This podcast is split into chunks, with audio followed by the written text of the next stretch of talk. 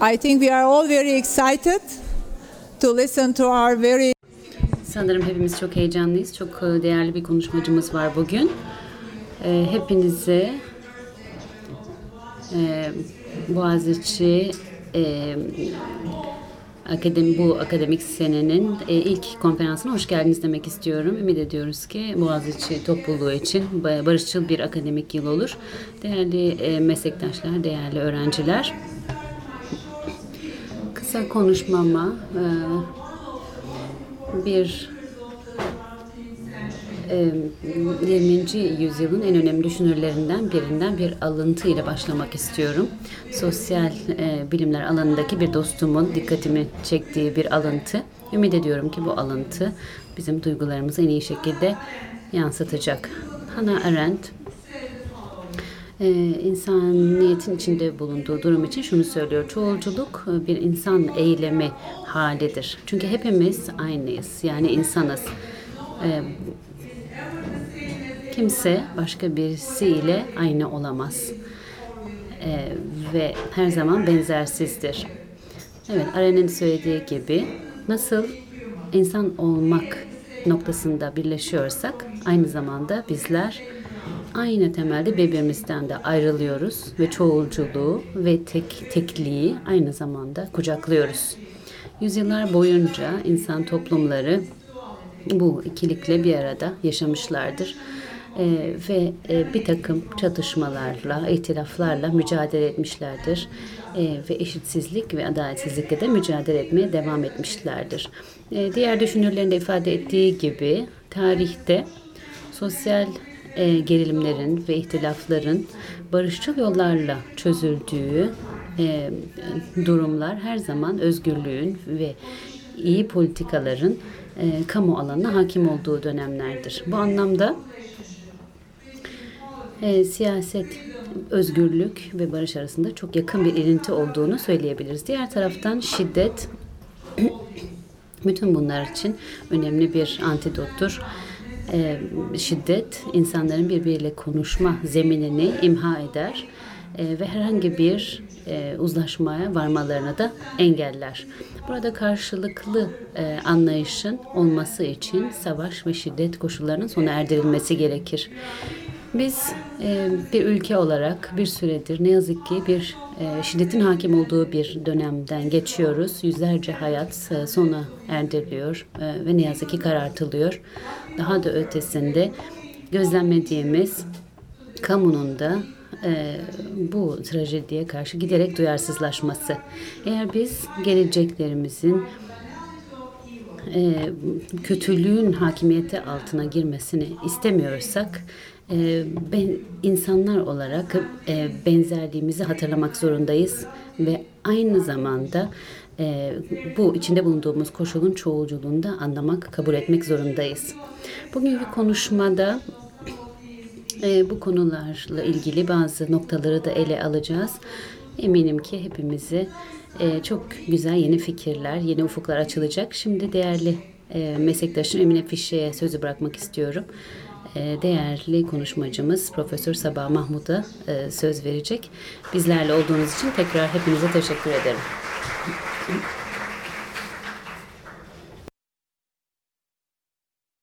Çok teşekkür ederim. Burada bulunmaktan büyük mutluluk duyuyorum.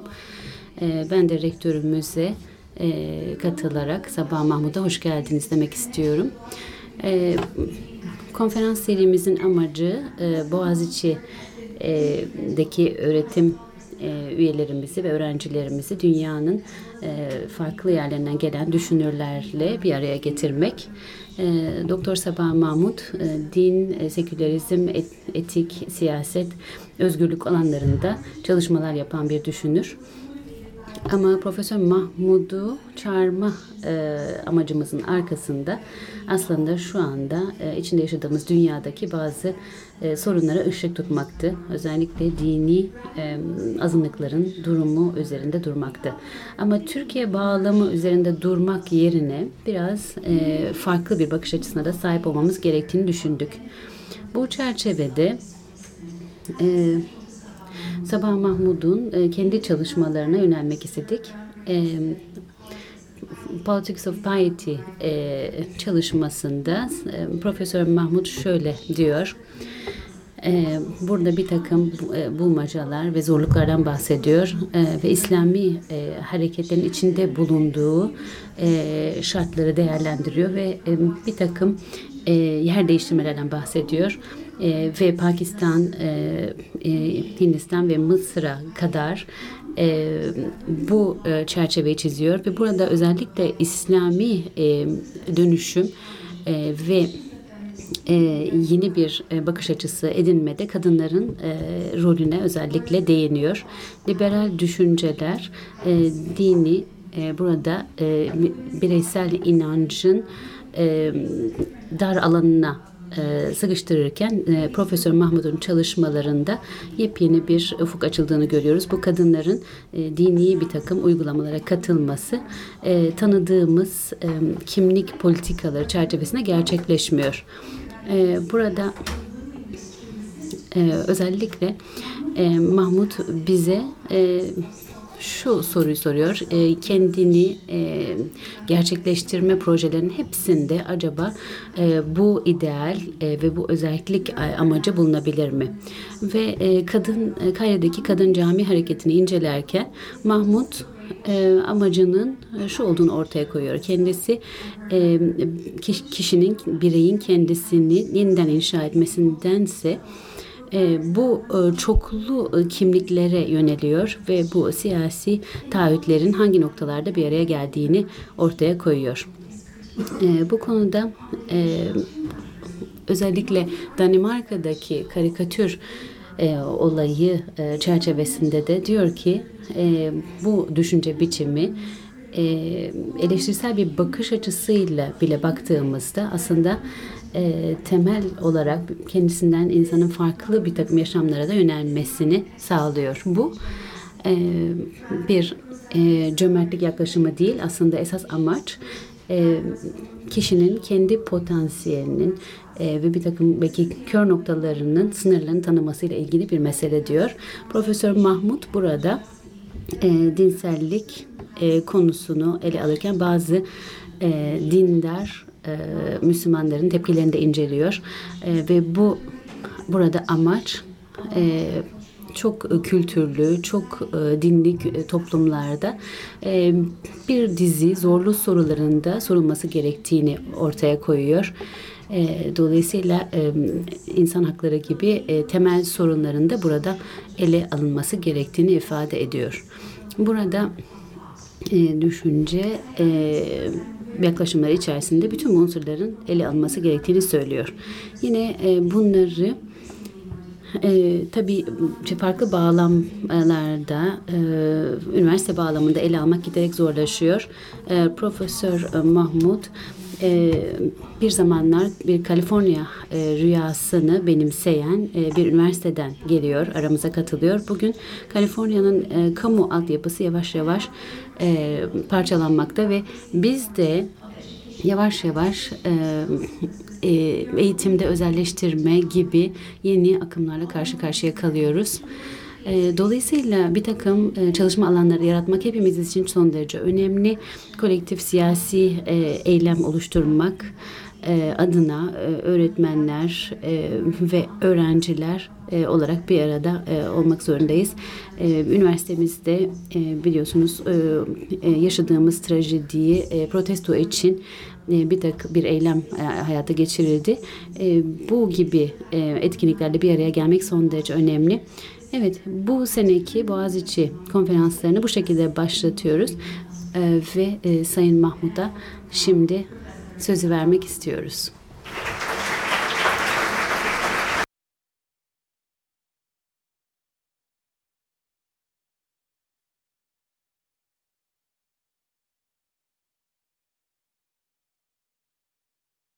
Çok teşekkür ederim.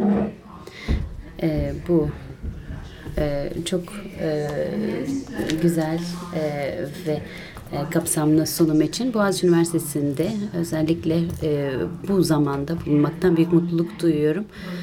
Hem e, Boğaziçi Üniversitesi rektörüne e, hem de Emine Fişe'ye teşekkür etmek istiyorum. E, kendisi buraya e, gelmeme sebep oldu. E, Berkeley'de kendisiyle e, tanışma şansına sahip oldum. Orada öğrenciydi kendisi. Dolayısıyla hakikaten kendisinin de davetiyle e, burada bulunmaktan büyük mutluluk duyuyorum.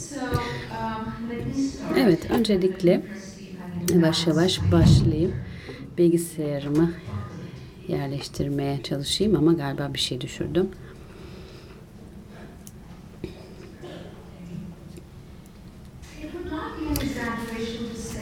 Evet, e, yüzyıllarca Orta Doğu'yu e, biçimlendiren e, dini çeşitliliğin bugün hızla e, inişe geçtiğini söylemek bir abartı olmaz. E, bunun sebebi sadece Irak, Suriye ve Libya'yı etkileyen iç savaşlar e, veya eşit gibi İslami grupların yayılması ve bölgede siyasi ve e, sivil hakların e, hızla e, hasar görmesi değil. E, burada e, Amerika'nın Irak'a işgali e, ve daha sonra e, Libya'ya gerçekleştirdiği müdahale e, Orta Doğu'daki karmaşayı arttırdı e, ve buradaki e, dini e, azınlıkların durumunda daha büyük bir kör düğme dönüştürdü. Bugün e, ben azınlık konusunu ele almak istiyorum.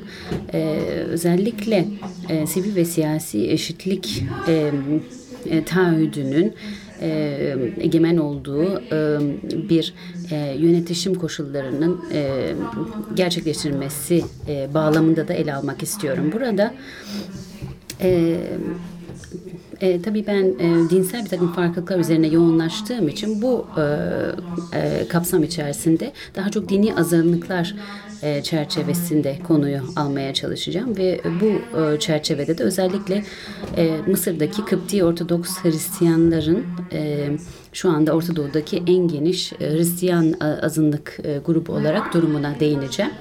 E, kısaca şunu vurgulamak istiyorum. E, sömürgecilik sonrası dönemde Orta Doğu'da modern e, laik e, yönetişim e, dini e, gerginlikleri e, arttırmış, inançlar arası sınırları e, katılaştırmış ve e, dinsel e, farklılıkları da e, kutuplaştırmıştır.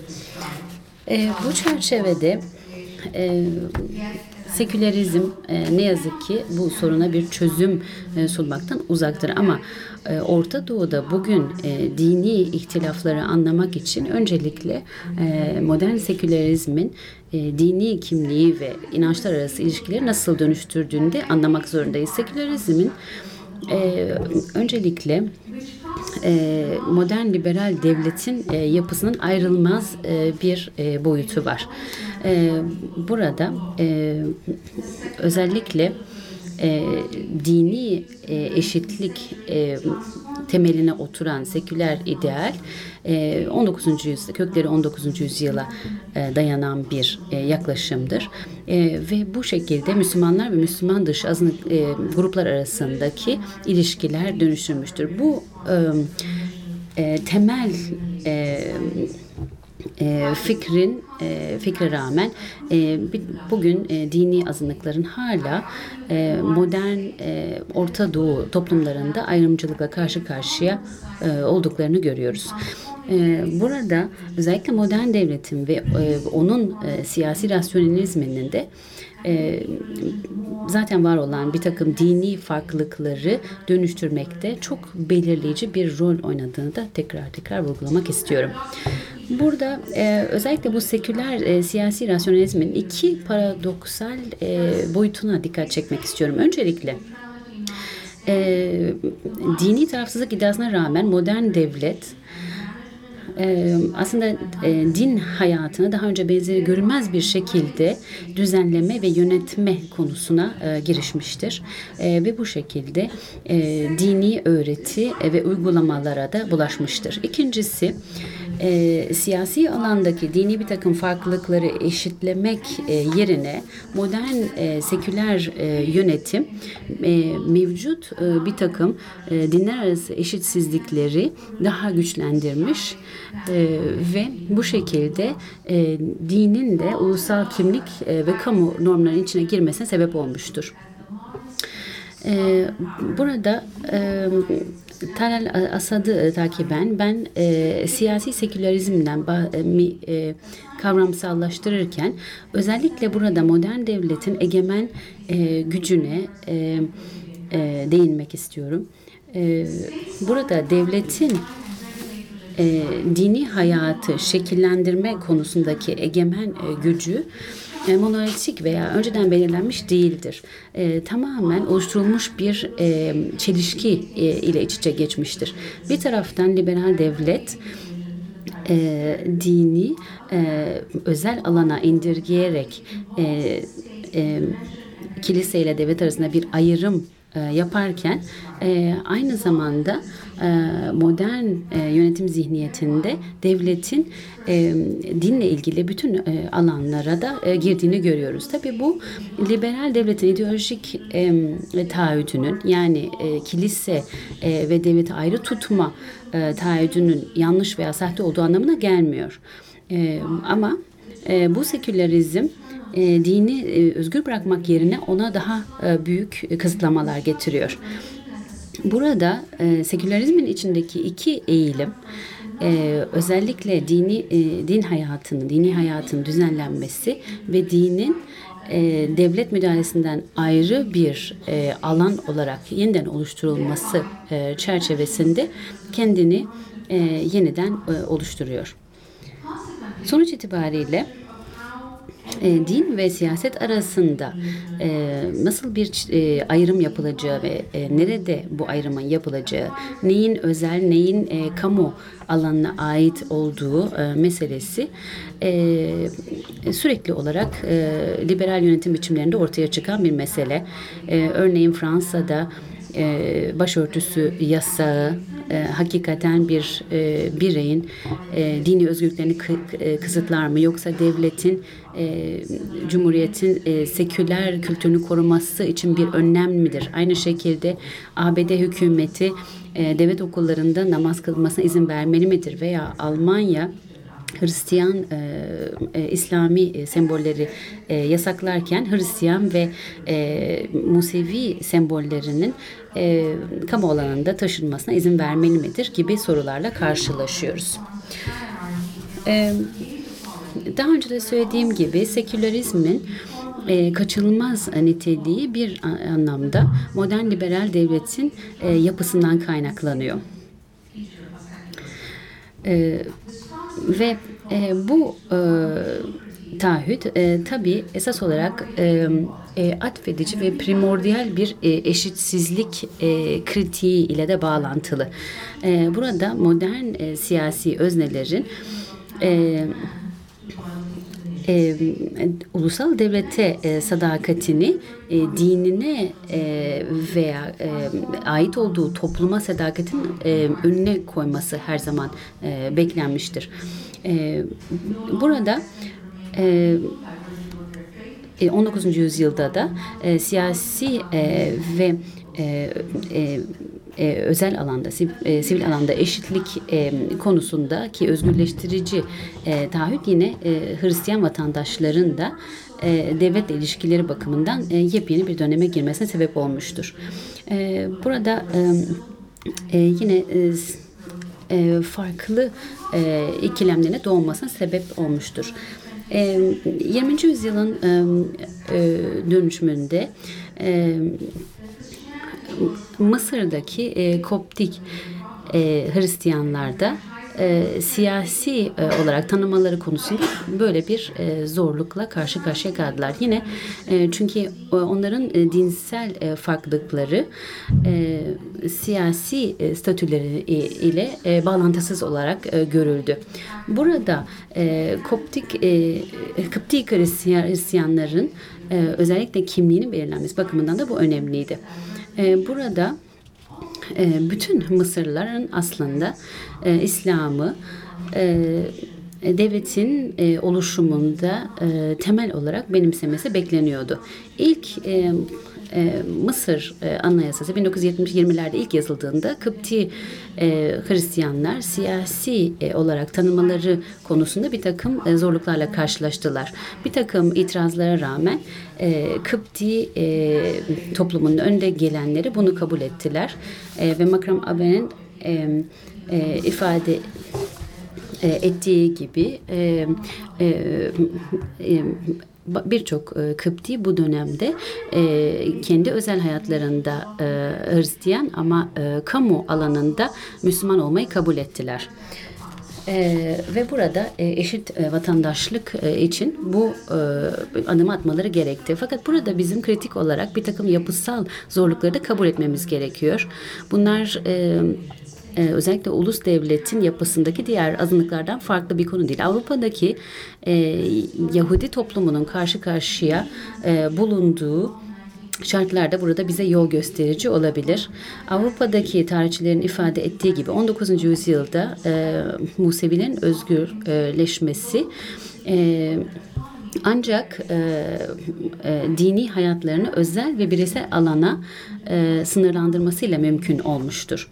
E, ve e, esas olarak Hristiyan değerleri e, ile oluşturulmuş e, Avrupa uluslarının kültürel e, normlarına e, dahil olmaları ve asimile olmalarıyla mümkün olmuştur. E, yine e, buradaki e, özellikle e, asimile olmayan e, Yahudilerin yaşam e, biçiminin de burada e, zorluk e, yaratmaya devam ettiğini söyleyebiliriz.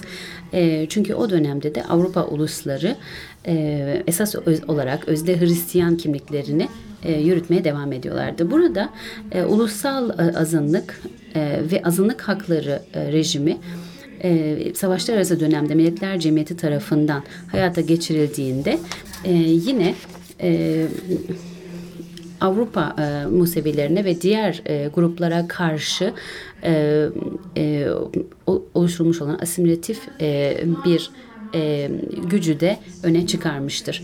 Tabii e, burada e, azınlıkların durumunu konuşurken Os Osmanlı İmparatorluğu'na değinmezsek e, olmaz. E, gayet iyi bildiğiniz gibi e, Osmanlı idaresi altında e, Müslüman olmayanların statüsü e, çok büyük bir çeşitlilik gösteriyordu. Çünkü imparatorluk çok e, geniş bir alana yayılıyordu ve uzun bir e, tarihsel e, çerçeveye yayılıyordu. Yine Osmanlı idaresinin öne çıkan bir özelliği farklılıkları, ayrılıkları dönüştürmemesi e, ve e, farklı dini toplulukların da e, bir arada bir sistem içine var olmasına izin vermesiydi. Ama yine de Müslümanlar e, en yüksek statüye sahipti. E, burada e, Hristiyan e, imparatorlukları inanmayanları e, kurtarmak üzere onları dönüştürmeye çalışırken bunun Osmanlı e, emperyal politikasının bir parçası olmadığını görüyoruz. E, Dima e, anlaşması altında Müslüman olmayanlara e, bir güvenlik sözü verilirdi e, ve e, İslam'ın üstünlüğünü ve önceliğini kabul ettikleri takdirde ibadetlerine e, ve inançlarına e, saygı gösterilirdi. E, özellikle e, Hristiyan e, ve Musevilerin e, özel bir statüye sahip olduğunu söyleyebiliriz. Enver Emun'un da söylediği gibi e, Müslüman olmayanların e, imparatorluğa siyasi e, olarak e, dahil edilmesi e, için e, Dimma e, anlaşması onların e, yine de daha doktrinal ve e, hukuki statülerin daha düşük e, olduğunun bir ifadesi anlamına geliyordu. E, ve burada e, yine de bu hikaye aslında e, oldukça e, karmaşık yönleri olan e, bir konu. Ee, özellikle azınlık haklarının e, e, ile ilgili kavramların e, daha erken aşamadaki e, tarihi özelliklerine baktığımız zaman e, burada özellikle e, batı ve e, batı dışı egemenlik e, türleri arasındaki eşitsizliğin e, burada e, önemli bir vurgu oluşturduğunu görüyoruz.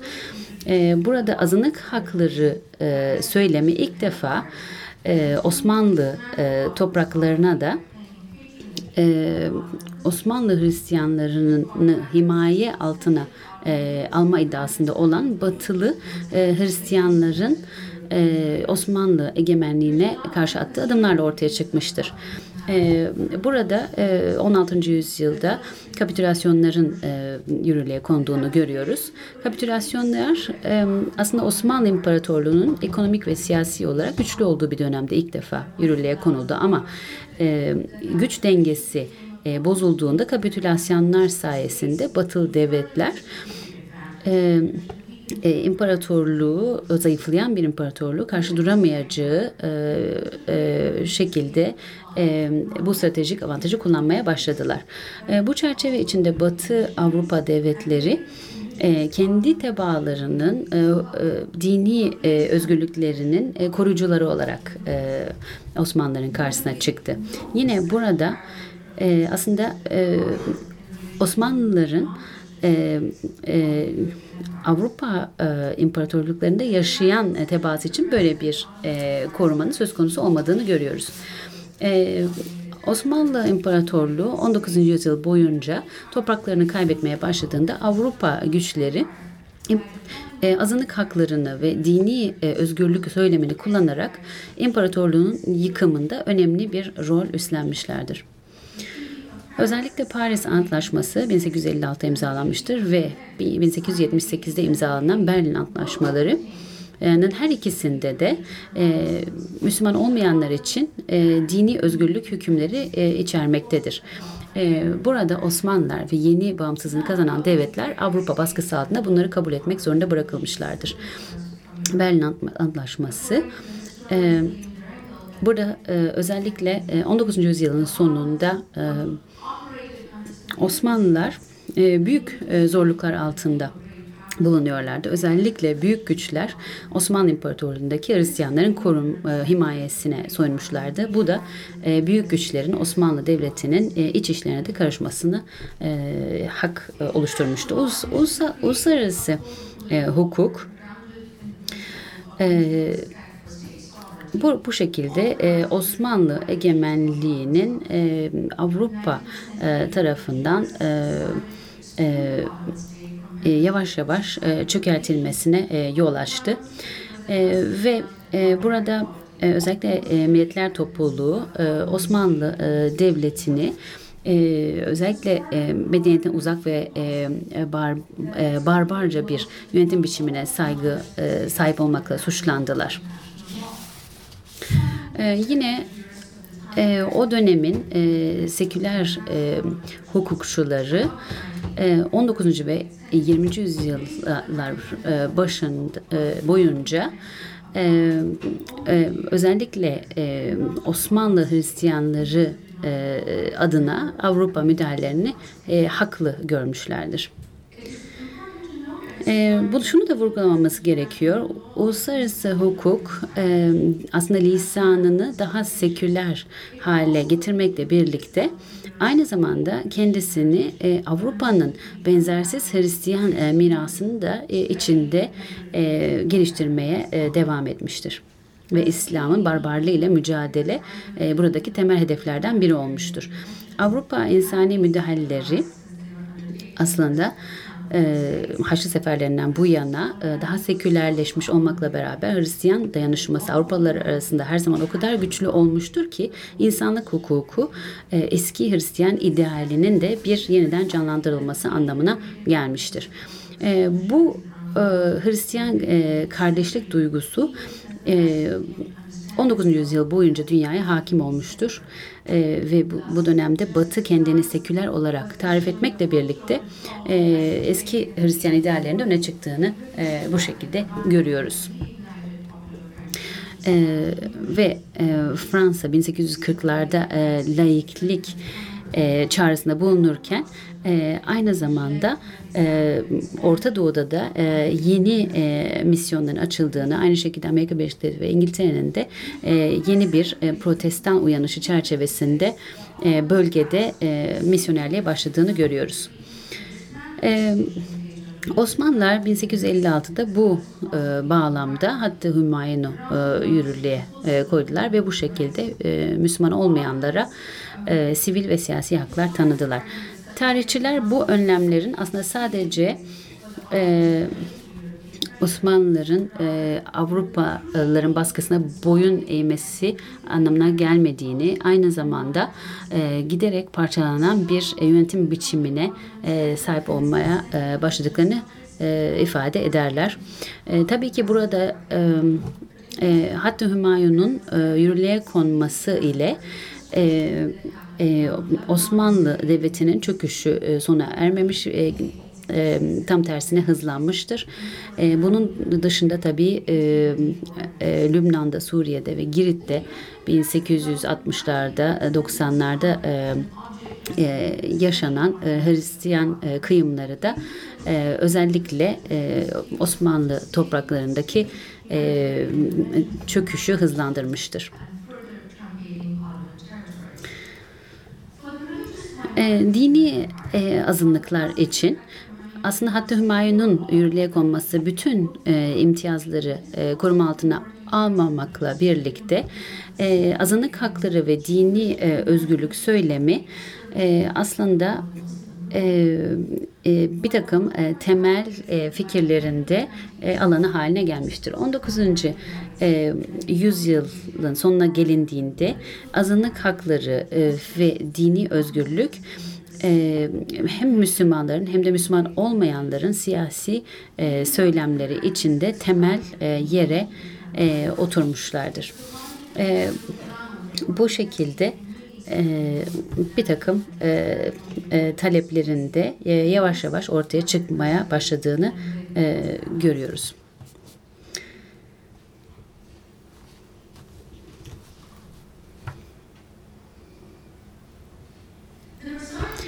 1919 tarihli e, Versay Barış Konferansı e, dünya tarihinde dönüştürücü bir e, e, noktayı teşkil etmektedir. Burada Osmanlı, Habsburg ve Hohenzollern e, imparatorluklarının e, e, çözülmesiyle yeni bir ulus devlete dayalı yeni bir uluslararası e, düzenin e, oluşturulması için ilk adımlar atılmaya başlamıştır. E, burada e, muzaffer e, güçler e, Batı Avrupa'da ve Kuzey e, Amerika'da e, yeni e, bir düzeni oluşturmak üzere e, bu idealleri hayata geçirmeye başlamışlardır. E, fakat e, Orta ve e, Doğu Avrupa'da e, kendi devletlerine sahip ola, olabilen e, aşağı yukarı 60 milyon e, insan için bu çok e, önemli bir e, an olmuştur. E, çünkü müttefik güçler e, bu yeni bağımsızlığını kazanmış devletleri e, e, tanımış ama onları tanıma şartı olarak da topraklarında yaşayan dini ve etnik azınlıkların haklarının korunmasını koşul olarak ileri sürmüşlerdir. Daha önceki anlaşmalarda olduğu gibi Muzaffer Batı e, güçlerinin hiçbirinin e, kendi azınlıklarıyla ilgili böyle şartları kabul etmediklerini görüyoruz. E, İngiltere'de Galler ve İrlandalılar e, Amerika Birleşik Devletleri'nde Kızılderililer ve Siyahlar, e, Fransa'da Breton e, ve Basklar e, ve İtalya'daki çok uluslu Tiroller için bu, bu korumaların e, sağlanmadığını görüyoruz. E, yine e, Almanya'da e, bu şartlara e, şartlarla e, bağlanmamış ülkelerden bir tanesidir. Ama tabii e, daha sonra 20 yıl sonra gelen Holocaust dehşetinin e, burada karşımıza tabii ciddi bir ironi çıkardığını da e, görebiliyoruz. Burada ulus devletinin hakim siyasi form olarak oluşturulması e, yeni bir e, yönetişim e, gerekçesi e, ve temeli ortaya çıkarmıştır. E, ve burada e, ortak bir tarih, kültür ve e, toprakla bağlanan e, ulus kavramı ilk defa ortaya çıkmıştır. Bu sistem içerisinde e, vatandaş bir bir e, haklar ve yükümlülükler sistemi ile devlete bağlanmaktadır. Ve e, e, çoğunluk ve azınlık e, terimleri de e, yine e, milliyetçilik ideolojisi e, içinde yerini bulmaktadır. E, Versay Barış Konferansı'ndan bu yana e, uluslararası hukuk e, ulusal e, azınlık e, kavramını e, özellikle e, bir takım topluluğa birbirinden e, ayırmak e, için kullanmıştır. 1919'dan bu yana e, azınlık e, uluslararası olarak oluşturulmuş ve siyasi olarak konsolide olmuş bir kategori olarak e, tanımlanmaktadır. Ee, ve e, burada e, dahil olduğu grup ve topluluktan ziyade bir azınlık vatandaşlık kavramı öne çıkmaktadır. Burada e, e, azınlık dediğimiz zaman sadece dini değil, e, ırksal, e, dilsel, kültürel e, farklılıkların da öne çıkmaya başladığını görüyoruz. E, ulusal azınlık e, kavramı ancak e, temel bir e, aslında gerilim, gerginlik üzerine e, inşa edilmişti. Bir tarafta e, ulusal bir yönetim e, biçiminde bir azınlık grubuna e, üyeliği e, sembolize etmektedir ama aynı zamanda e, azınlık grubu e, çoğunluktan e, farklı olması e, sebebiyle ulusal e, bütünlüğe de bir tehdit teşkil etmektedir. E, çünkü e, burada e, dile, e, etnik kökene ve kültürel e, özelliklere bağlı özellikler sebebiyle kendi kaderine tayin için meşru bir temel oluşturulabilir.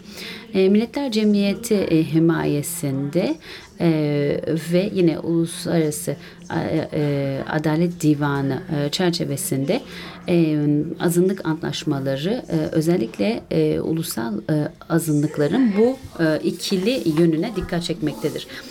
E, Birçok e, uluslararası e, e, düşünürün söylediği gibi burada esas olarak e, bir takım farklı özelliklerle çoğunluk nüfus nüfusundan ve toplumdan ayrılma ve aynı zamanda azınlık olması hasebiyle bu özellikleri sebebiyle e, ayrımcılığa e, tabi tutulma e, riski de e, burada önemli bir boyuttur. Burada e, bu siyasi bir terim olduğu için e, aslında burada e, hiyerarşik bir takım farkların özellikle öne çıktığını görüyoruz. Ve bu sebeple bu e, yine kendi vatandaşına karşı da bir ayrımcılık anlamına e, gelmektedir. E, yine e, azınlık terimini uluslararası hukukta e, tanımlamakla ilgili olarak da bir takım e, zorlu, e, büyük zorluklarla karşılaşıyoruz. Mesela e, Amerikalı e, Kızılderililer acaba azınlık olarak kabul edilebilir mi? Aynı şekilde acaba Avrupa'ya e, ve Amerika'ya başka eski e, sömürgelerden e, gelen e, göçmenler e, bir azınlık olarak kabul edilebilir mi? E, yine e, kendini e, azınlık olarak tanım tanımlamayan ama ayrımcılığa tabi tutulan diğer gruplar e, azınlık olarak kabul edilebilir mi? Bu soruların e, verilecek yanıtların e, çok kolay yanıtlar olmadığını e, söyleyebiliriz. E, burada e, özellikle e, çoğunluk ile ilişkilerde bunların hepsinin e, tabii ele alınması önemli. Burada ulusal aidiyetin nasıl tanımlandığı da son derece önemli. Kan, kültür e, veya doğaya bağlı bir takım ayrılıklar dikkate alınıyor. E, Birleşmiş Milletler gibi uluslararası e, bir takım örgütler ee, özellikle Batı güçlerini mesela Almanya, Amerika Birleşik Devletleri'ni e, bu tanımları kabul etmek konusunda ikna etmekte çok güçsüz kalıyor. Fransa e, özellikle 18. yüzyıldan bu yana bütün uluslararası antlaşmaların kaleme alan ülkelerden biri olmakla birlikte e, bu terimin e, ortaya konulması konusunda e, yine yetersiz kalmaktadır. Benim burada azınlık hakları ile ilgili sunduğum e, tarihçe e, aslında bir takım e, jeopolitik güçlerin e, e, bir takım gerçekçi politikalar adına e, aslında daha e, yüksek seviyedeki bir takım ilkeleri e, kullanmaları anlamına geliyor.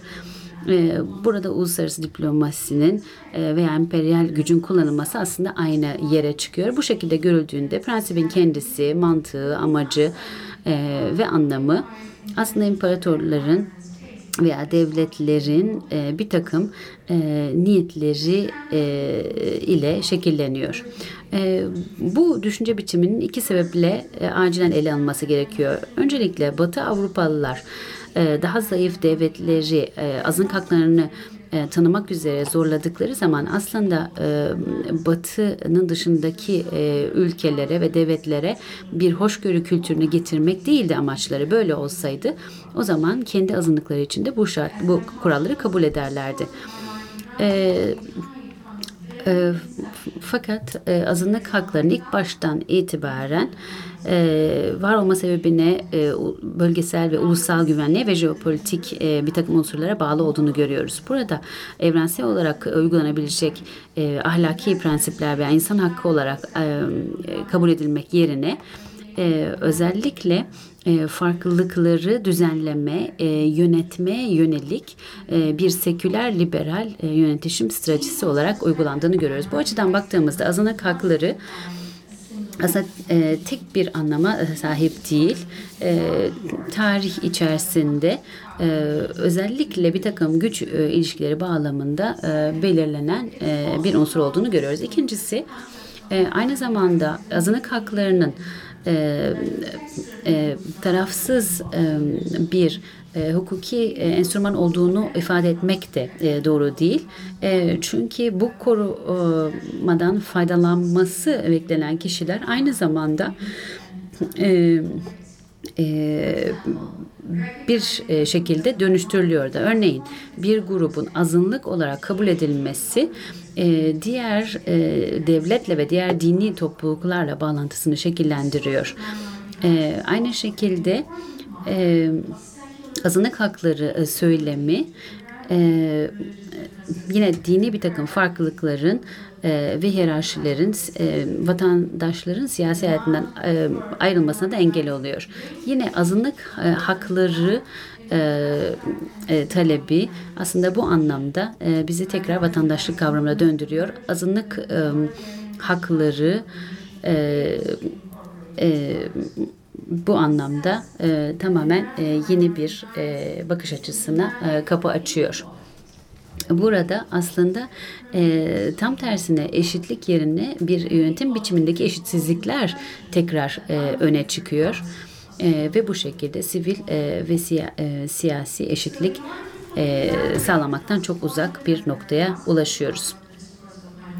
E, burada azınlık hakları e, e, konusunu e, ele alırken e, isterseniz e, kısaca e, Mısır'daki Kıpti Ortodoks Hristiyanlara da e, değinelim.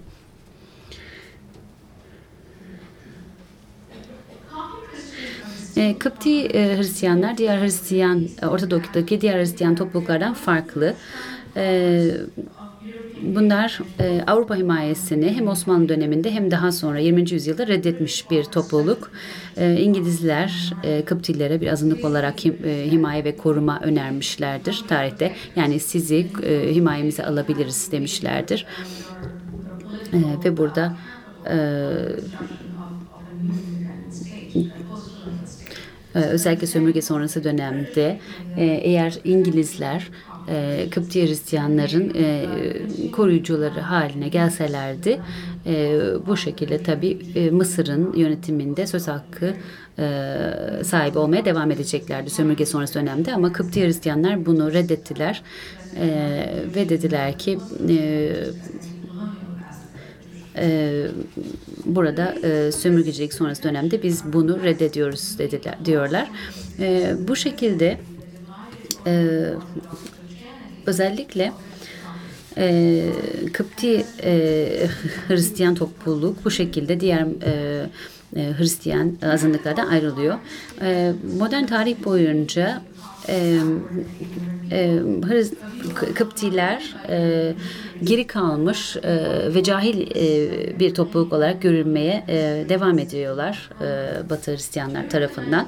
19. yüzyıl boyunca e, Batı Hristiyanlığı ile Kıpti ilişkileri e, yine e, bir takım gerginlikler yaşıyor. Avrupa'dan gönderilen protestan e, misyonerlerle e, misyonlarıyla bir takım e, çelişkiler yaşanıyor. E, bunların hiçbiri e, Müslüman toplumlarda e, e, din e, Müslüman toplumlarda e, Hristiyanlığa dönüşümü e, hızlandıramadıkları için e, Kıptilerle ilgili e, bir takım girişimlerde bulunuyorlar ve bunun e, sonucunda karşılıklı e, güvensizlik artıyor. Sömürge sonrası dönemde ise e, bu azınlık e, fikri tekrar ortaya çıkıyor. Kıptilerin sömürgecilik karşıtı harekette e, üstlendikleri role e, rağmen yeni ulus e, siyasi ve e, e, sivil e, eşitlik e, taahhüdünü yerine getirmiyor. E, Mısır'ın ilk Cumhurbaşkanı Cemal Abdülnasır e, yönetimi altında e, Kıptiler e, kendilerini ikinci sınıf e, vatandaşlar e, olarak buluyorlar. E, ve Nasır'ın otoriter rejimi çerçevesinde istedikleri özgürlüğe kavuşamıyorlar.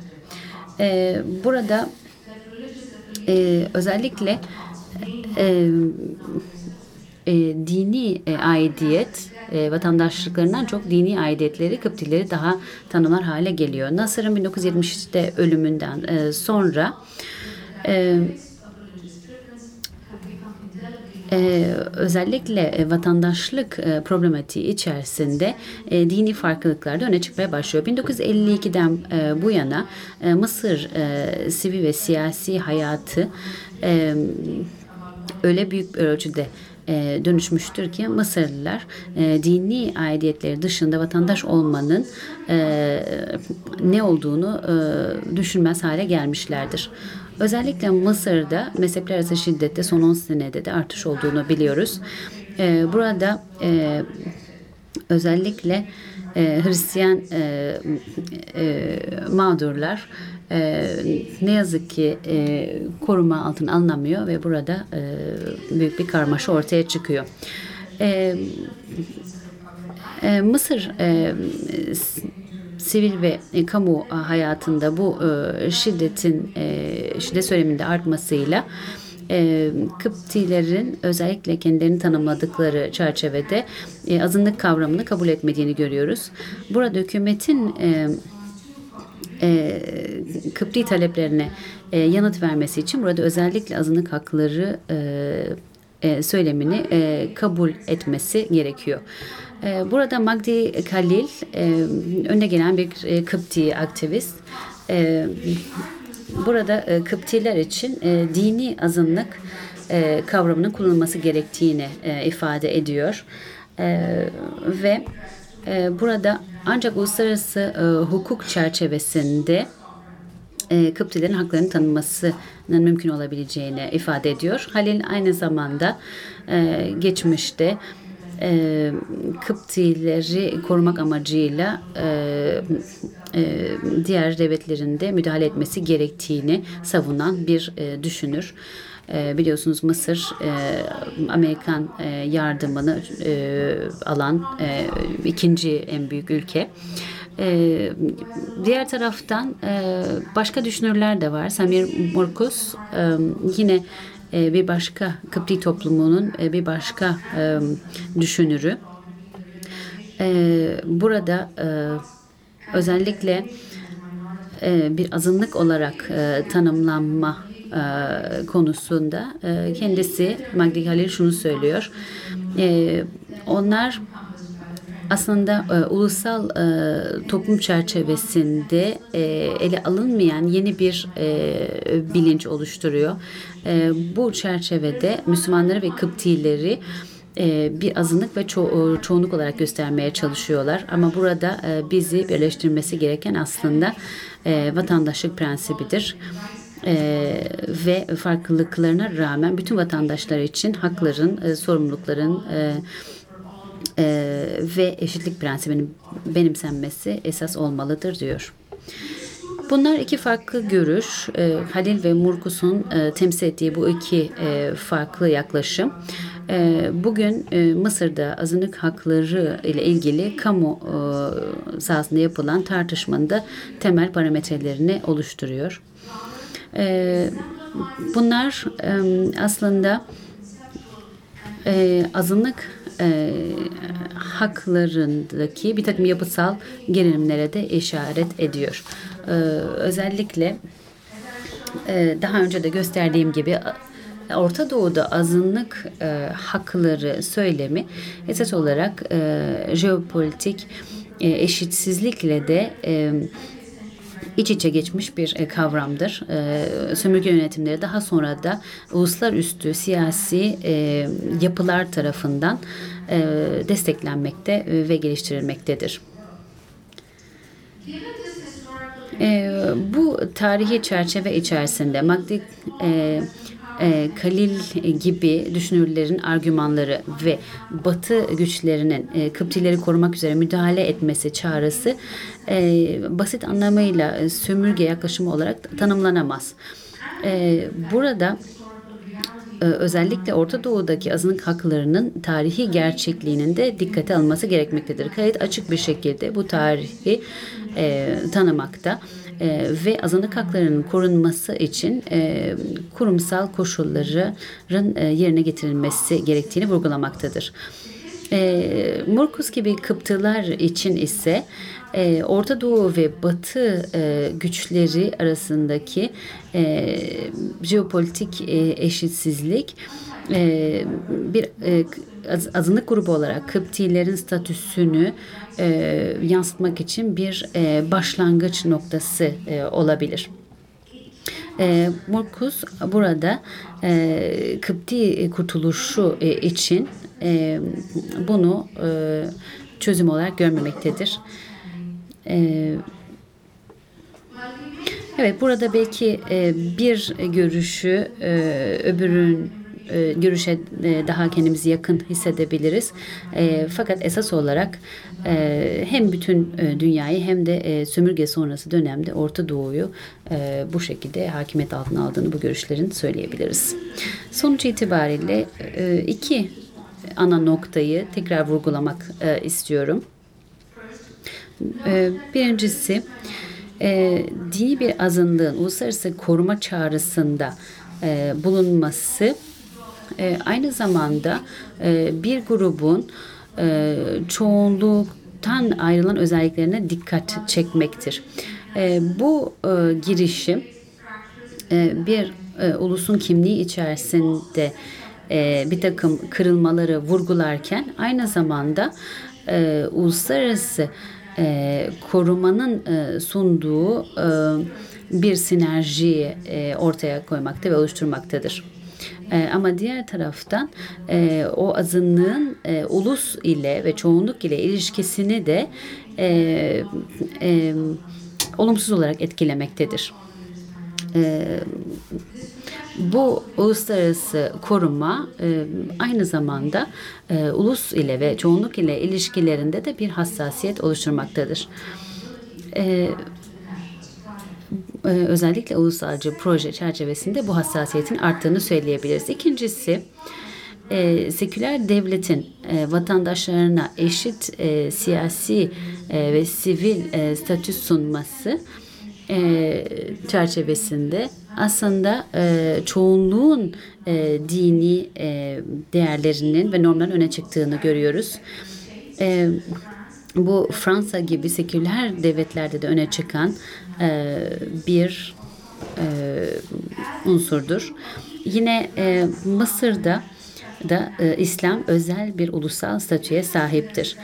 E, buradaki siyasi kültürlerdeki farklar bizi e, aslında buradaki benzerliği görmek konusunda e, bakışımızı gölgelememeli. Burada seküler devlet nasıl e, çoğunluk azınlık e, çatışmasını çözebilir? E, çünkü bunun oluşmasında, bu ayrımın oluşmasında seküler devletin ne kadar etkili olduğunu e, bu anlattıklarımızda görebiliyoruz. E, burada Mıs, e, Mısır'daki aktivistlerin devamlı olarak devlete çağrıda bulunduğunu e, ve seküler e, sorumluluklarını yerine getirmek üzere çağrıda bulunduğunu biliyoruz. Devlet egemenliği burada belirleyici bir unsur. Siyasi e, tahayyülümüzü etkileyen bir unsur ama daha önemlisi aynı zamanda devletin e, gücünü e, e, tesis eden ve e, arttıran e, bir yaklaşım. E, bu e, paradoksun e, e, sirküler ilişkisi sadece Mısır'da gördüğümüz bir unsur değil, aynı zamanda seküler e, çağımızın kaçınılmaz bir boyutu. Teşekkür ederim.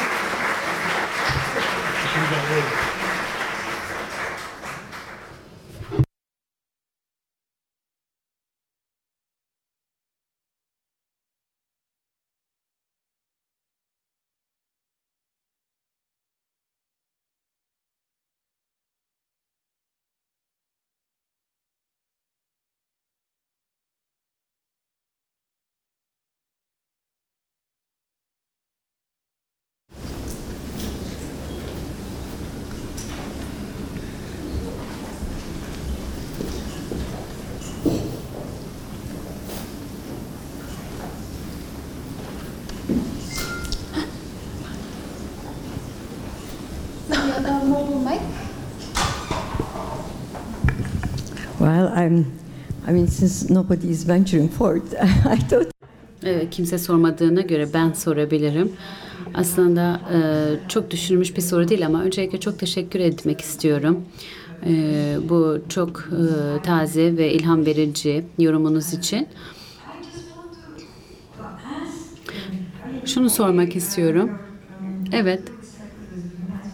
E, sekülerizmle ilgili söyledikleriniz aslında e, milliyetçilik kavramıyla da bazı bağlantılar e, taşıyor e, ve yapısal e, köklerine bizi götürüyor sorunun. Şunu sormak istiyorum. Hakik burada alternatifi acaba idealize mi ediyoruz? Yani dini bağlam acaba seküler bir bağlamdan daha iyidir diye mi e, bir vurgu ortaya koyuyoruz? Bir e, hakların e, haklar konusunda eşitlik e, konusunda. E, yapısal sorunlar konusunda sekülerizm, seküler devletler konusunda söylediklerinizi anlıyorum. Sekülerizmi e, kullanarak e, bunu nasıl tesis ettiklerini anlıyorum ama bu alternatifi içinde bu aynı şey söylenemez mi? Yani dini bağlamda. E, Osmanlı İmparatorluğu'nu düşünelim mesela. Hangisi daha iyi bilemiyorum.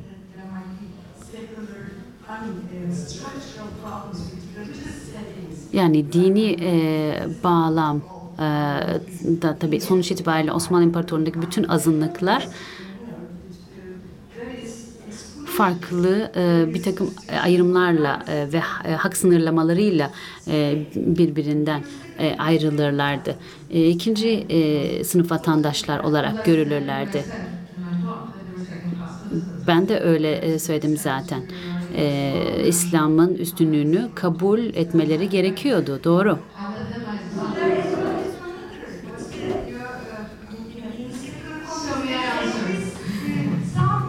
seküler bağlamda e,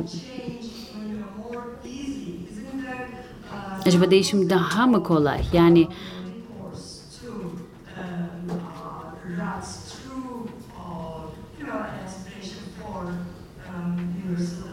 yani evrensel değerler mesela burada belirleyici olabilir mi? Bu da bir ideal olabilir tabii. Yani e, Türkiye bağlamında mesela azınlıkların statüsü çok değişti e, Cumhuriyet döneminde. Öncelikle e, esas olarak sorun bu. E, bu konuşmayı e, yaptığım zaman e, ve benim e, tepkim de bu. Bu benim için kolay bir proje değil. Çünkü ben kendi eğilimlerime de karşı durmuş oluyorum.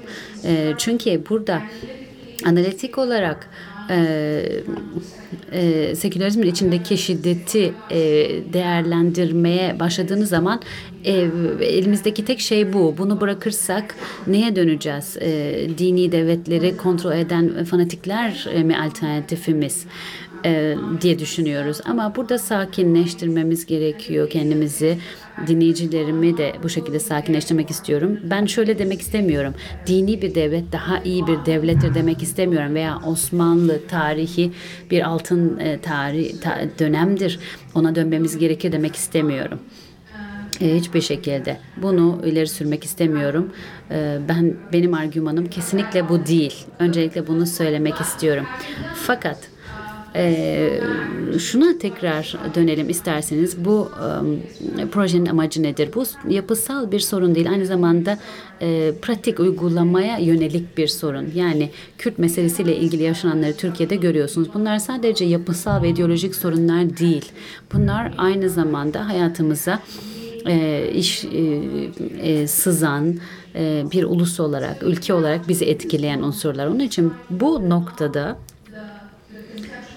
e, kavramsal bir alan açmak zorundayız ve bunları düşünmek zorundayız. Bize e, e, sömürgecilik karşıtı yaklaşımı getiren, egemenliği getiren, e, evrensel değerleri, e, dini e, eşitlik e, taahhütünü getiren bütün idealler e, ve e, kurumsal e, yapıların da aslında bir e, arka planda bir başka işleyişi var. Yani bu sistemi korumak istesek bile şunu anlamak zorundayız.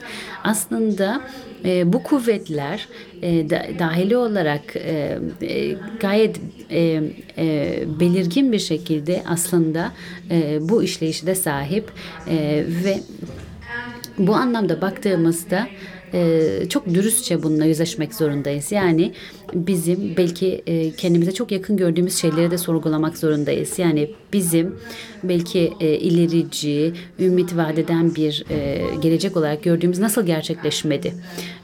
Ve bunu bu, bu bir takım deli gruplar tarafından elimizden alınmadı. Modelin kendisinin içindeki bir takım sorunlardan kaynaklandı. Bunu yapmak için tarihe dönmek zorundayız diye düşünüyorum. Ben e, benim nesilim e, özellikle e, burada oturan genç insanlar ee, içinde bulunduğumuz bu noktada e, e, soyut eşitlik konusunda sosyalist bir e, devrimle ilgili ufkun artık mümkün olmadığını görüyoruz. Her ikisinin de temel bir takım sorunları var. Ama biz tabii paralize oluyoruz. Ee, böyle bir tehlike var. Peki bunu parçaladığımızda elimizde ne kalacak? Sorusu ile karşı karşıyayız. Kimse bunu parçalamanızı istemiyor. Burada sizden istenen e, kritik olarak nasıl e, bunun bu mekanizmayı sorgulayabiliriz ki çocuklarımız e, ve onların çocukları için farklı bir gelecek oluşturabilelim. Bu da işte e, tarihle yüzleşmeyi ve e, bu ilerici sol e, ideallerimizi gerçek kılan e, mekanizmaları da sorgulamamızı gerektiriyor. Dolayısıyla evet e, bizi rahatsız edecek soruları sormak zorundayız. Şimdi burada e, aslında dini bir devlet daha iyiymiş gibi bir şeyi ima etmek istemiyorum. Bunu yapmadım. E, hatta şunu söyleyebilirim. E, devleti ele geçirmeye çalışan İslamcılar e, ve dini bir e, yönetim biçimi e, getirmek isteyenler aslında aynı siyasi idealleri, e, sekülerizmle aynı temelleri paylaşıyorlar. Yani e, milliyetçiliği ve ulus devletini siyasi bir form olarak aldığınızda e, kuvvet ile belli bir güç ile de, devleti e, oluşturabilirsiniz, inşa edebilirsiniz. Ee, ama seküleristlerden farklı olmaz o zaman. Yani dini devletin oluşturulması bizi e, bu çıkmazdan e, başka bir noktaya getirmiyor. Bizim farklı düşünmemiz gerekiyor.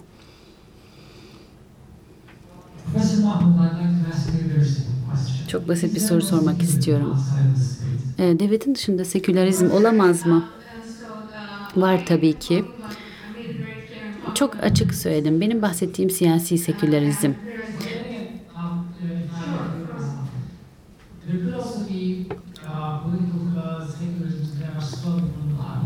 E, tabandan yukarı e, da bir sekülerizm hareketi oluşamaz mı? Tabii kesinlikle.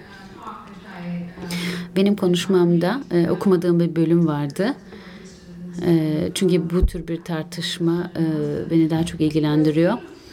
E, kritik seküler e, çalışmalar alanı bu tartışmanın ben de içindeyim zaten. E, özellikle e, bahsettiğim literatür e, sekülerizmi e, sadece e, din ve devlet işlerinin ayrılması olarak gören bu literatüre göre sekülerizm e, gücü e, aslında şu şekilde kabul edilemez. E, sadece din ve devletin ayrılması, devlet işinin ayrılması diye buna indirgenemez. Bunun çok daha ötesinde bir şeydir sekülerizm. Ve sekülerizm e, bir siyasi doktrin olarak ve sek, e, sekülerite e, etik uygulamalar olarak birbirinden farklı.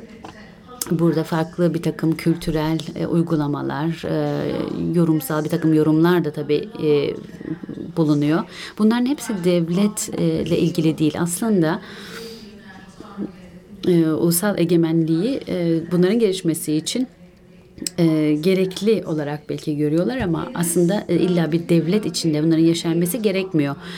E, siyasi sekülerizm e, e, ile söylemeye çalıştıklarım bunlardı. Ama sizin sorunuz doğru bir soru. E, seküler bir e, tahayyül e, nasıl devleti e, bir çerçeve olarak görmez. Farklı gruplar, farklılıklar e, arasında e, ırksal e, farklılıklar arasında yaşayabilir. Bu aslında hakikaten e, o çerçeve içinde düşünmemiz gerekiyor. Bir örnek vereyim size. Mesela Avrupa'daki Musevi Yahudi e, sorunu. E, Avrupa'nın antisemitizmi e, sadece hukuk yoluyla e, e, yok edilmedi. E, burada e, Hristiyan e, Avrupalıların düşünme biçiminde büyük kaymalar, değişim değişimler oldu. Sorumluluk, e, hesap verebilirlik e, ile ilgili çok önemli bir dönüşüm yaşandı. Bu kayma e, doğrudan e, kanunların e, antisemitizmi yasaklamanın bir sonucu değildir.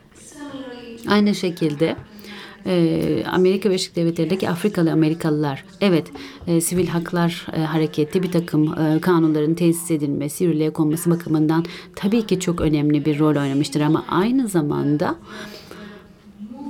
e, e, e, siyah güzeldir hareketi, e, kültürel hareket, her iki tarafta da başlayan hareketin çok önemli bir rol oynadığını söyleyebiliriz. Ve bu şekilde e, beyaz orta sınıfların üst sınıfların düşüncesinin değişmesi mümkün olmuştur diyebiliriz.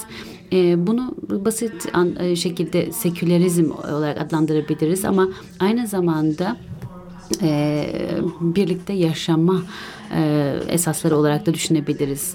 E, bunu sadece seküler modernite içinde var olabilir diye düşünüyoruz ama ben bu değerlendirmeye katılmıyorum. Tarih içinde çok farklı modeller var. Osmanlılar bunun bir e, örneği değildi ama farklı birlikte yaşama, yaşayabilme modelleri vardır. Tabii ki sekülerite burada temel olarak kullanılabilir ama esas olarak bir takım hiyerarşik farkları bir araya getirmek burada. Kısaca bir soru daha sormak istiyorum. Orta Doğu'ya baktığınızda ve Kuzey Afrika'ya baktığınızda e, burada e, Müslüman e, çoğunluğu olan toplumlara baktığınızda ümit kırıntıları görüyor musunuz? Avrupa'daki antisemitizm hareketinin azalması gibi. Evet kesinlikle görüyorum. Kesinlikle görüyorum. Size çok yeni bir örnek verebilirim e, Tahrir e, Meydanı'nda yaşananlar Mıs Mısır'da. Daha önce benzeri görülmemiş e, hareketlerde evet tabii ki e, bir diktatörlük askeri diktatörlük tarafından bastırıldı.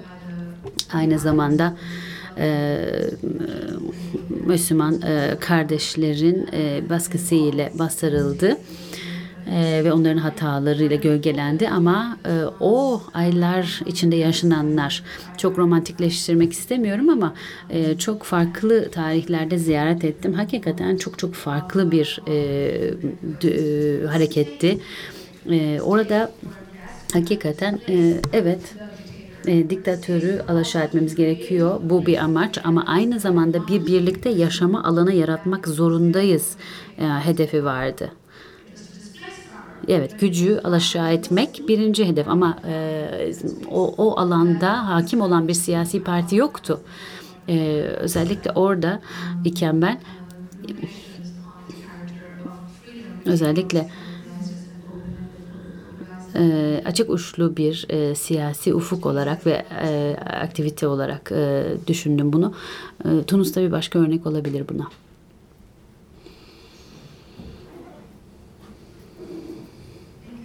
Çok teşekkür ederim güzel konuşmanız için ve e, verdiğiniz yanıtlar için.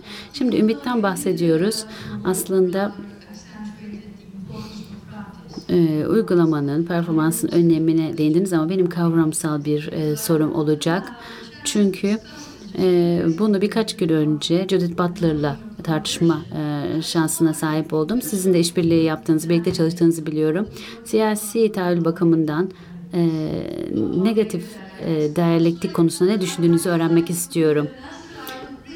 E, yanıtınız var biliyorum ama sizin görüşünüzü duymak istiyorum. E, çünkü kendisi birazcık daha krenyan e, negatif diyalektiğe e, meylediyordu. Sizin düşünceniz nedir? Evet, Judith'in e, bunu yapması enteresan. Evet, psikoanaliz ve Harvard etkisi. Ben psikanalitik e, geleneğe Judith kadar yakın değilim siyaset e, alanında çalışırken. E, bu aramızda e, büyük bir fark. E, onun için de güzel bir işbirliği yapabiliyoruz. Çok farklı e, analitik e, ve siyasi e, kökenlerden geliyoruz. E, şunu söyleyebilirim benim için e, bu çok kapalı uçlu olur. Yani burada ümidi negatif diyalektik içine yerleştirmek. Burada e, belli bir takım e, varsayımlar var ve bunların çok e, sınırlandırıcı olduğunu düşünüyorum. E, ve bu model e, tarihi ve e, siyasi bağlamlar içinde oturmuyor diye düşünüyorum. Dolayısıyla e, zaten bu konuda görüş ayrılığımız var. Merhaba Ahmet Fahmi, e, Mısırlıyım. E, çok ilginçti benim için e, sunumunuz. İki soru sormak istiyorum. Bir soru bir de yorum.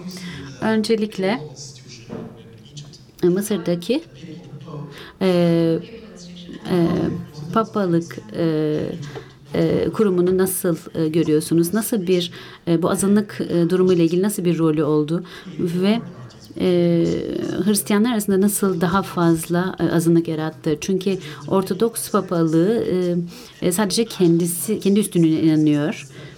E, e, ve Katolik Ortodoks veya e, Kıpti e, Katolik e, papalığı e, kabul etmiyor bu anlamda. Birincisi bu. E, ikinci sorum şu. E, tahrir evet e, ümidi e, temsil ediyordu ama büyük bir hayal kırıklığı da oldu benim için aynı zamanda. Bunu e, buraya gelip Gezi Parkı'nı yaşayana kadar anlamadım.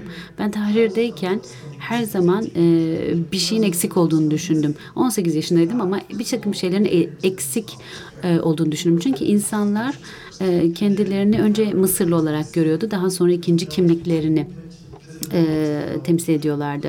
Bir LGBT e, hareketi yoktu, gözle görünür şekilde. Diğer e, azınlıklar yoktu. Oradaki kural e, şuydu.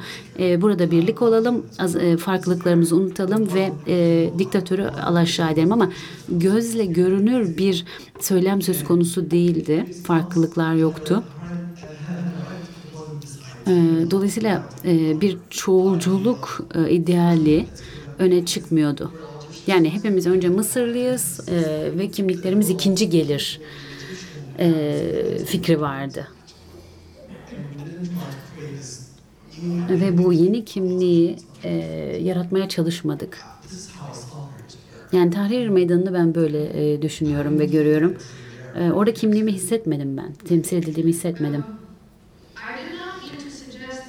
E, aslında tahrir e, tek örnektir veya e, hepimizin ideali olmalıdır demek istemiyorum.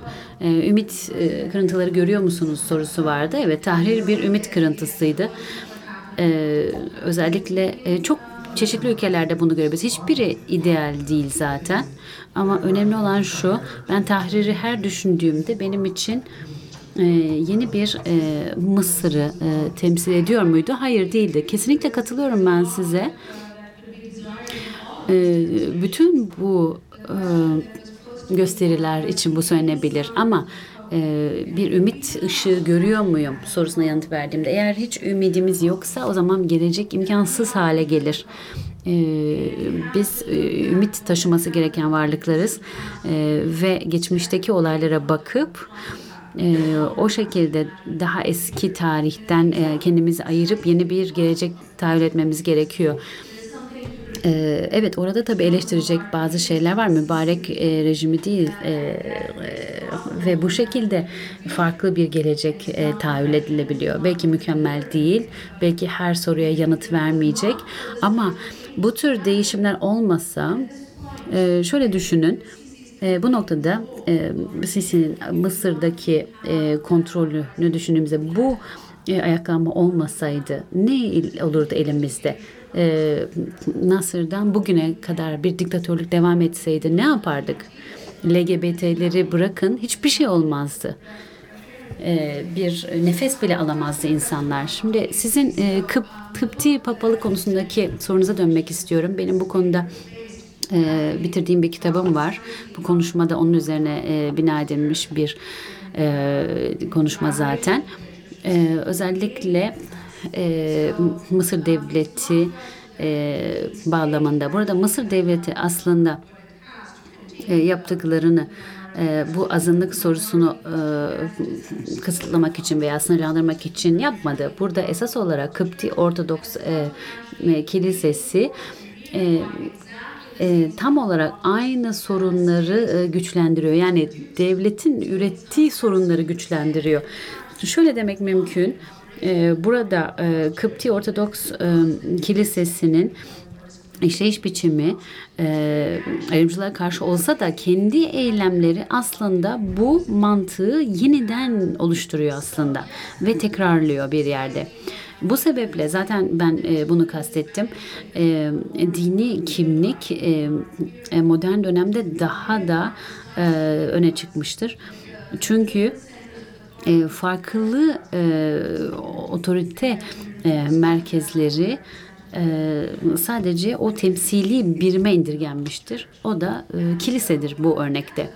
E, onun için e, kilisenin Nasır e, rejimi ve diğer rejimleriyle bağlantısı çerçevesinde yaptığı aslında e, e, e, sekülerliği e, buradan uzaklaştırmak tamamen siyasi ve ekonomik güçlerini ellerinden almak ve e, kilisenin e, yegane e, güç merkezi olmasını sağlamak. Burada kilise e, bugün e, e, geçmişte olduğundan çok daha güçlü bir merkez ki bu e, çok şaşırtıcı.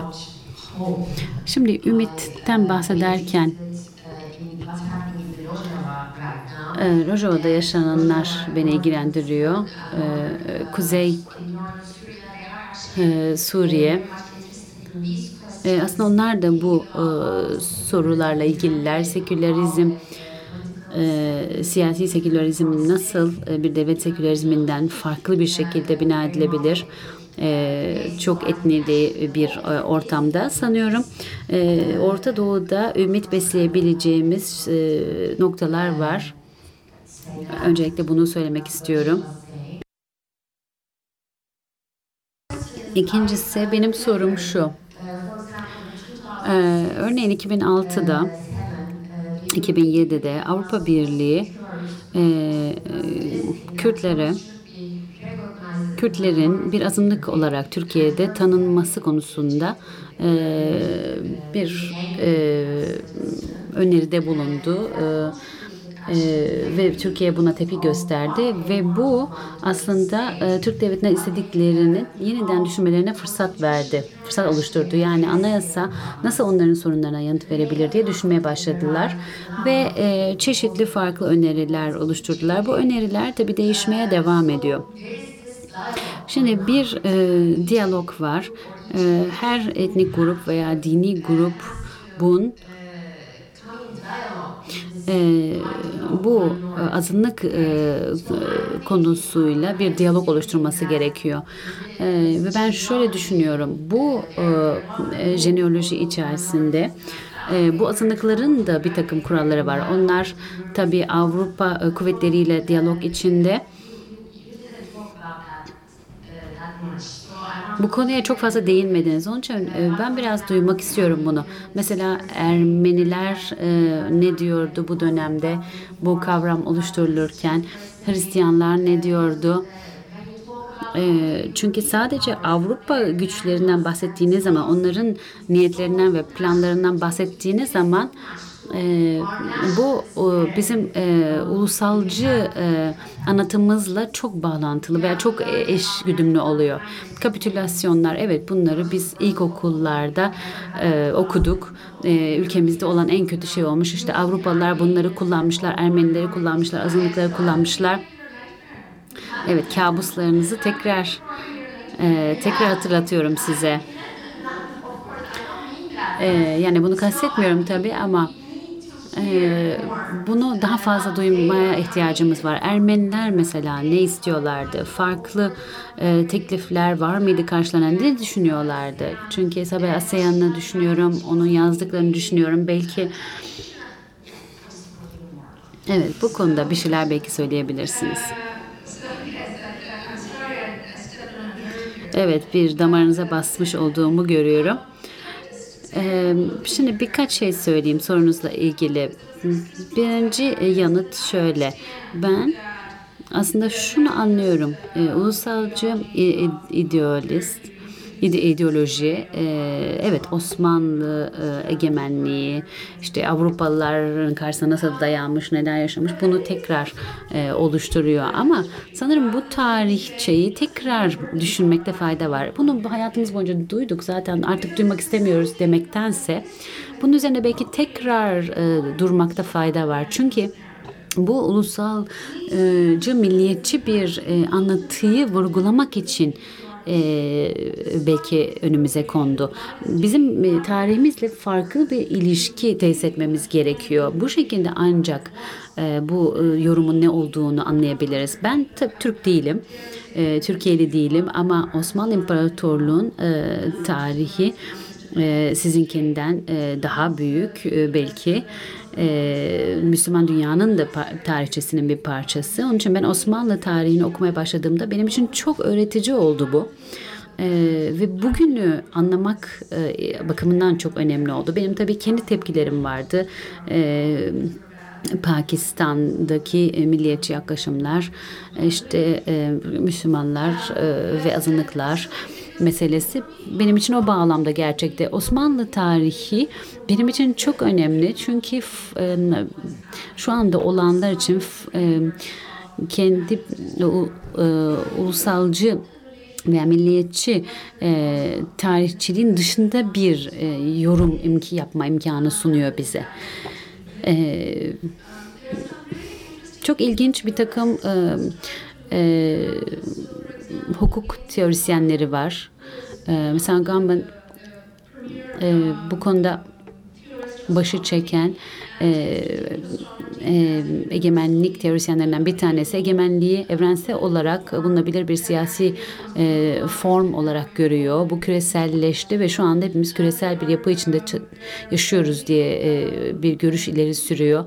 E, hukuki bir takım teorisyenler yine e, semürge sonrası e, bir kritik getiriyorlar ve evrensel e, egemenliği e, sorguluyorlar. Anthony Young'in yine bir yaklaşımı şu, e, üçüncü dünya egemenliği farklı bir egemenlik. Avrupa ve Kuzey Amerika egemeninden farklı bir egemenlik diye ileri sürüyor. Yani kavramsal olarak bunun aynı şey olduğunu söylemek, düşünmek hakikaten büyük bir hatadır diyor. Çünkü kavramsal olarak veya tarihi olarak o zaman e, egemenliğin yapısının, doğasının ne olduğunu anlayamayız, çözümleyemeyiz. Onun için şunu söylemek istiyorum. Evet, e, tarih aynı tarih belki ama bununla farklı bir ilişki kurmak ve yeni gözlerle bunu yorumlamak zorundayız. İkincisi, evet kesinlikle haklısınız.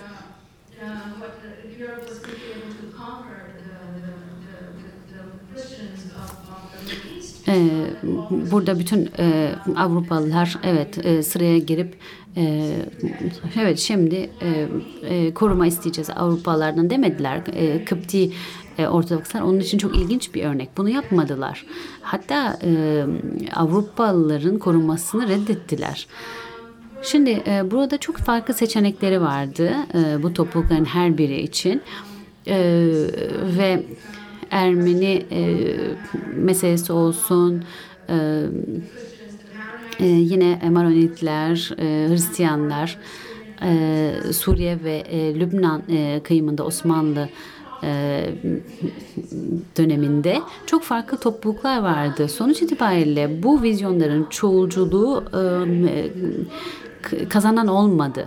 Ee, Osmanlı Devleti daha e, fazla savunmaya e, geçtikçe Hristiyan nüfusuna karşı da daha katı olmaya başladı.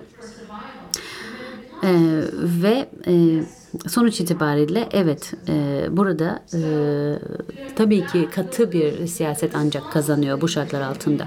Bu Hristiyan topluluklara verilen yanıtlar e, bu e, e, kim hayatta kalır e, ve kim kalmaz e, politikasına indirgenmiş oldu.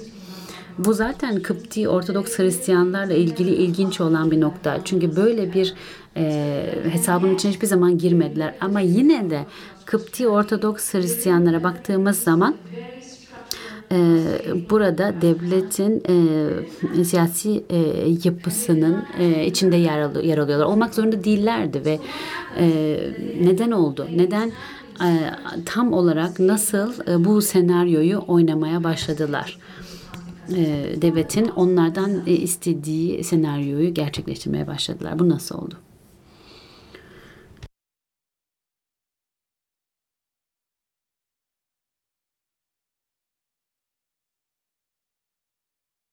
Evet, bu, belki birazcık daha e, kişisel bir şey.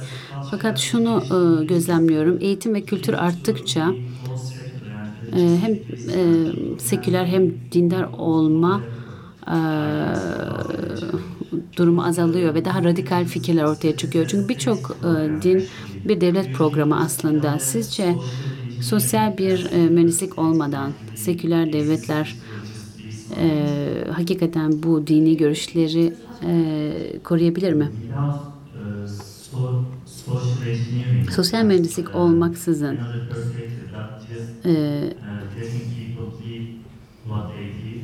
yani insanların düşünmek istediklerini düşünmelerine izin vererek acaba devlet e, var olabilir mi? Çünkü dini inançlar farklı bir e, tür devlet öneriyor dini hareketler farklı bir devlet türünün önerdiğini düşünmüyorum. Onların söylediği şu, biz e, devlet mekanizmasını kullanıp farklı bir tür toplum oluşturacağız. Onlar da milliyetçi, onlar da askeri güce dayanıyor, e, şiddeti kullanıyor e, yönetim biçimini tesis etmek için. Yani problem aslında aynı şekilde.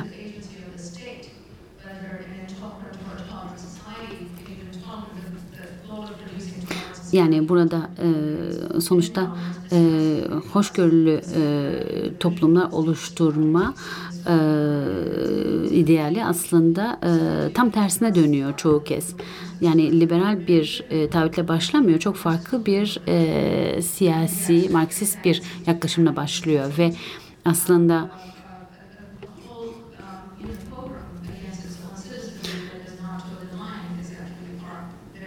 e, kendi içinde hakikaten çok benzer sonuçlar e, doğuruyor bu. E, burada dinin e, devlet gücüne girmesi e, gerçekten dindar olmak için bu mekanizma içine girmesi fikri çok yanlış diye düşünüyorum. Din ve siyaset e, ayrı tutmalı. Çünkü e, diye bir de bir e, belki e, söyle, söyleme düşünecek olursak aslında tarihte hiçbir zaman ayrılmadığını da görüyoruz. E, sizin seküler devletiniz de e, dindarlık e, üretiyor. E, bir taraftan. Dolayısıyla Demek ki burada aslında dinin e, bu şekilde azaltılmaması ve farklı bir türde e, uygulanmasını ele almak gerekiyor. O zaman belki sekülerizme gidip bunu e, bu bir yolun sonu mudur diye sorgulamak gerekiyor. E, bu sebeple zaten seküler e, çalışmalar çok önemli. Tarihi olarak ve empirik olarak seküler devletlerin nasıl e, işlediğini göstermeleri çok önemli. E, çünkü e, hakikaten e, bunun düzenlenmesi ve yönetimi burada önemli olan. Konuşmamın ilk bölümünde zaten e, bunu anlatmaya çalışıyordum.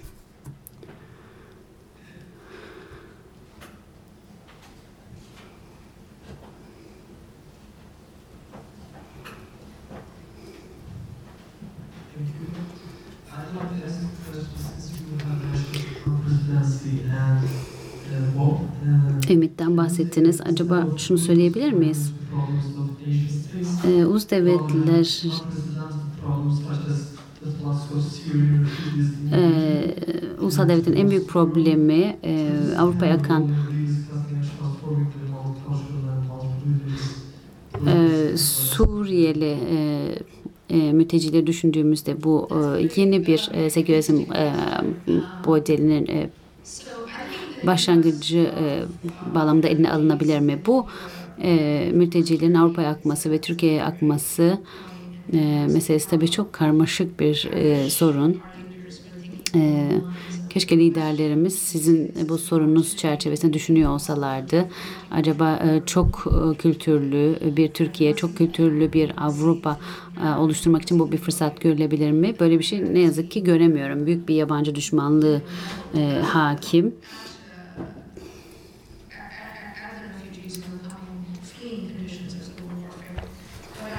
Ee, ve burada son derece e, e, olumsuz olan Amerika e, Birleşik Devletleri'nin e, e, Orta Doğu'da e, bu e, anarşi şartlarına e, katkıda bulunması ve e, şimdiye kadar bu mültecileri e, kabul etmek konusunda hiçbir şey yapamaması. E, aslında bu e, kaosu başlatan onlar. Ee, ve Birleşmiş Milletler bunu tabii onayladı ama hiç böyle bir tartışma olmuyor. Amerika'da e, bu mültecilerin e, benimsenmesi e, konusunda hiçbir etik sorumluluk yok. Ahlaki sorumluluk yok. Tek bir e, siyasi e, aday e, bile e, bu konuda kaçan mültecilere kucak açma, onları e, kabul etme konusunda hiçbir şey söylemiyorlar. Evet, Amerika'nın en sevdiği e, müttefik Suudi Arabistan Yemen'i bombaladı. Belki de oradan da kaçan insanlara kucak açmak konusunda hiçbir tartışma yok. E, Batı Avrupa'nın e, bunu çözümlemesi gerekiyordur. Çünkü e, mülteciler onların e, sınırlarına dayandı. Ee, ve bu son, bunu son derece ironik buluyorum. Merkel Türkiye'ye gelip e, e, hükümetimizden sınırları kapatmasını istedi. Yine ironik olan şu, bu tartışma bu mültecilerin geleceğinin Türkiye'de ne olacağı yönünde değil, alanında değil. Yani ne yapılacak bunlara, hayatları ne olacak bu konuşulmuyor. E, burada bir takım e, mülteci hizmetleri olacak mı? E, bu konuda hiçbir tartışma yok. E, şu anda sadece tartışılan lütfen bu sınırları kapatın e, Almanya'ya gelmesinler deniyor. Bu benim için e, hakikaten e, çok kültürlü bir Avrupa e, yaratmak anlamına gelmiyor. E, şunu eklemek istiyorum. E, evet daha fazla mülteci kabul etme konusunda hükümetine e, baskı yapan e, Avrupalı halklar var. E, Makedonya sanıyorum. E, biz sadece Hristiyan e, olanları e, kabul edebiliriz demişler camileri olmadığı için. Evet devlet ve insanlar ne yazık ki aynı e, bakış açısına sahip değil. Acaba bunu yeniden tartışmak için bir fırsat olabilir mi? Ümit var mı? Evet. E, bu tür e, vatandaş e, hareketleri çok önemli. Evet ve size katılıyorum. Hakikaten e, bu yanıtların e, bir kısmını ben de e, takip ettim. E, hakikaten çok büyük bir e, ırkçılık da var Avrupa'da. E, Arap karşıtı, Müslüman karşıtı. Almanya'da bir süre e, yaşadım. E, bunu her yerde görüyorsunuz. Hakikaten bizim ülkemiz işgal ediliyor korkusu var. Ama bu tür e, eylemler hakikaten tabii çok faydalı, çok yardımcı. Ama e, şu çok ilginç, e, her bir ümit kırıntısı, bahsettiğimiz ümit kırıntıları her zaman insanlardan, halklardan kaynaklanıyor. Ayaklanıp, halk ne zaman ki ayaklanıp itiraz ediyor ancak o zaman ortaya çıkıyor.